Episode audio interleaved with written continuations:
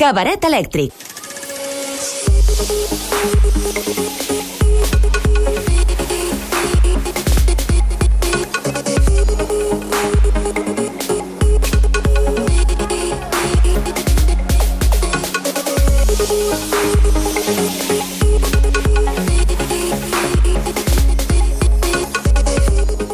Ja ho veieu, de còmics i de seguida canviem de tema. I a més amb un tema que no sé quina idea teniu vosaltres. Ara parlàvem amb ells així una mica micro tancat mentre s'asseien i dèiem, home, la iconografia una mica del vidre, la ceràmica, els, allò, els utillatges que tenim a casa és el got de Duralex. Avui per això volem parlar de la ceràmica que fan dos artistes de Barcelona, dos creadors, són la Olga Tomàs de Tuell, bona nit. Bona nit. I el Vicente Rivera. Bona nit. Bona nit. Vicente Rivera, Ceràmica, que coneixerem els seus dos projectes. Estem parlant avui de ceràmica, de taules, de vitrines, de terrasses, de moltes coses, però de- d'una ceràmica que torna. Teníem la idea aquesta d'allò passar per la carretera, allò, els camions, i veure uns senyors allò que venen ceràmica eh, antiga, i ells l'han evolucionat i, i han anat cap a una altra banda. I, vaja, tots dos tenen una història diferent. El, el, el Vicente va venir d'una família doncs, que eren sabaters, el seu pare era sabater, i el cas de la Olga doncs, és una persona doncs, que va estudiar Belles Arts i, i després va acabar decidint-se que la ceràmica era el seu. Però, tot i així, els dos, en comú podríem dir que us ha costat decidir-vos per la ceràmica. Vau pensar durant un temps que potser no era amb el que us guanyaríeu la vida, no? Expliqueu-nos una miqueta les vostres històries. Hombre, es difícil. No vamos a decir que es fácil. Cuesta un poco, eh, sobre todo porque lo difícil, creo yo, en cualquier profesión es concretar qué es lo que quieres hacer. Y claro, la cerámica tiene como tantas posibilidades, porque puedes hacer vajillas, puedes hacer eh, cerámica, digamos, más artística, más comercial, menos comercial, eh, tradicional. Entonces, claro, pues no sé. Cuesta, cuesta decidirte y sobre todo cuesta apostar cada día por algo que no es tan agradecido, porque claro, las ventas van poco a poco, vas encontrando qué es lo que quieres vender realmente y bueno, hasta que eso consigues, eh, digamos, establecerte y hacer lo que quieres y venderlo, pues claro, lleva un tiempo. Cadascú té un món molt particular, ara explicarem una miqueta, perquè per ràdio és difícil, ara si fos la tele aquí posaríem unes imatges i tothom ho tindria clar. Eh? El Vicente Rivera eh, va fins i tot plantejar-se fer de luthier, és a dir, quan estava estudiant. Eh? Vull dir, ell ja va treballar en, en, en pedra, però de sobte va pensar, bé, doncs també puc fer instruments, no? Al final, sort que es va dedicar a la ceràmica. Aquest home fa peixos, Uh, i té una obsessió pels peixos, té peixos que són com guardioles, peixos amb la boca oberta, em, amb un punt molt, molt infantil en, en Sí. un moment donat i també molt simpàtic però que la gent els compren els adults, eh? no és una cosa que compris pels nens, perquè com ho trenquin, vamos, tens un disgust. Bueno, hay un poco de todo. Yo creo que, que los peces realmente no están pensados para un público, o yo por lo menos no los he pensado para ningún tipo de público, pero sí que es verdad que hay gente que también los ha regalado a niños, porque creo que también se entiende, eh, no los sé, es un poco contradictorio igual hacer huchas de cerámica que tienen tapón. Ya. Que eso me va un poco en contra a lo que, lo que pasa, que siempre me he pasado, por ejemplo, con el tapón de la, de la hucha, que claro, el concepto de hucha es para partir. Ja. Entonces, es divertido. paneta, no? Però es feia paneta, perquè tu t'ho curres... Pero si eres un niño y la Ya. llenas de monedas y la partes, como divertido. Pero Ya, claro, es contradictorio porque como el pez mono, pues entonces hay que ponerle un tapón. Y eso, pero bueno, no-. Fa, uh, abans m'ha dit una cosa molt divertida que diu jo faig els peixos i uns gots de xinos. Ma mare diu que faig el mateix que quan era petit. A Sí. veure, explica'm això.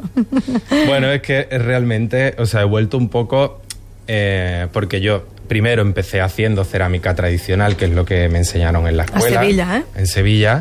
Aparte, en la escuela de Sevilla es muy tradicional.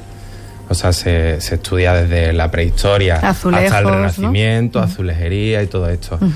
Entonces, claro, cuando empecé a, a hacer producción no tenía muy claro qué es lo que iba a hacer. Y no sé por qué se me ocurrió un día empezar a, a tirar como de cosas muy sencillas y desarrollarlo pues de una manera bonita, pues con colores, hacer como una pequeña familia, como esto que decías, pues el pez pequeño, el pez grande. y luego ya un poco también buscando la vista comercial, claro, pues me fui buscando algo que realmente tuviera gancho. I que porque- tingués una utilitat, també, Claro. no? Perquè Sí. això és el que ha sabut buscar molt bé la Olga, la Olga Tomàs de Tuell, aquesta botiga del carrer Maria 14 de Barcelona, al barri de Gràcia, que tu des del principi vas dir jo faré coses útils. Sí. Explica'ns per què. Explica'ns una Sí, mica. perquè no em crec trobava- que només fos per guanyar-te les garrofes. Crec que No, hi ha una no. història darrere. No, de fet, jo mm, penso que, clar, mm, jo volia tenir a casa coses maques per, per fer servir per Mhm. menjar i per tenir a la cuina o, o a la taula. I no trobava, no trobava res. Veia que o t'anaves a l'Ikea que no està mal però que no és tampoc allò algú que tingui una mica d'esperit. clar. Coses com, com, a, com a una mica d'ànima. Mhm. I, i que a més a més es poguessis fer servir.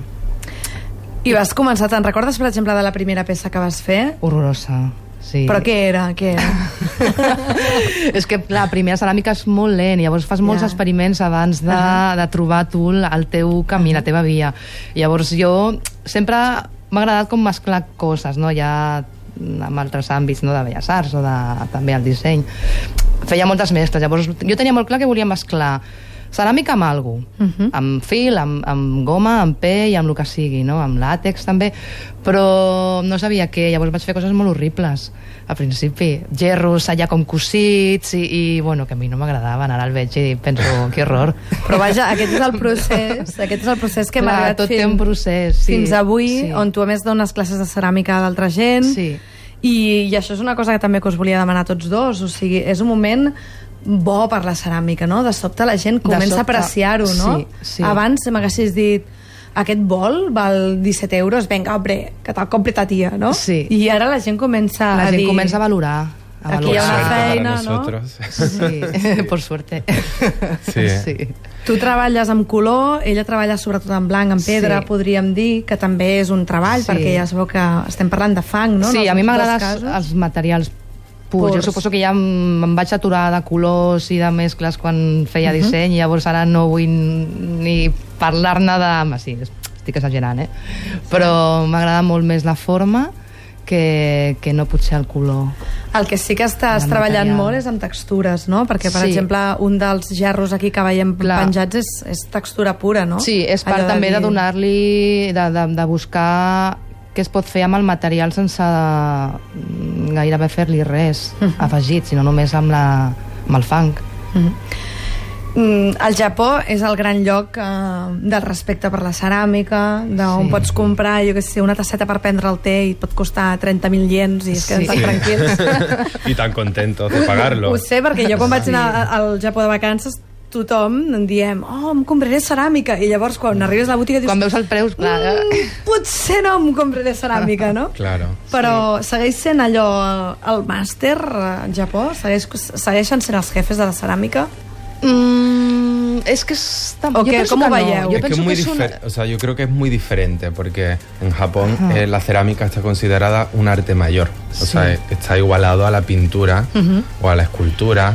Aquí, sin embargo, la cerámica siempre ha sido un arte aplicada, que es esto de los cántaros cuando ja, pasa ja no por- parlem d'artistes, parlem d'artesans, D'artesans. no? Que sembla una cosa una mica de Entonces, el, el, claro, el enfoque de la persona que compra arte a la, a la persona que compra una taza para usarla es diferente. Lo que pasa es que ellos lo han unido y, claro, le dan tanta importancia al momento, por ejemplo, del té, que, claro, el objeto cobra un valor artístico mucho más Clar, elevado. ha d'estar en alçada d'aquest moment i, de, i de tota aquesta cerimònia no, que tenen els japonesos A nosaltres amb ens el ha, menjar, fet, també. en, ens ha fet molt de mal el, Dura, el Duralex. Duralex, el, Dura, sí. el Duralex i la postguerra, no? Una molt, mica. Molt, Per Clar, cert, no, i- no, volia dir que inclús uh, ja no anant al Japó, sinó a països com Alemanya, per exemple, es valora moltíssim la ceràmica, i no és d'ara, sinó que la gent té ceràmica a casa, igual no tant com al Japó, ni tan cara, però sí que és veritat que igual al nord d'Europa i hi ha als països també nòrdics també.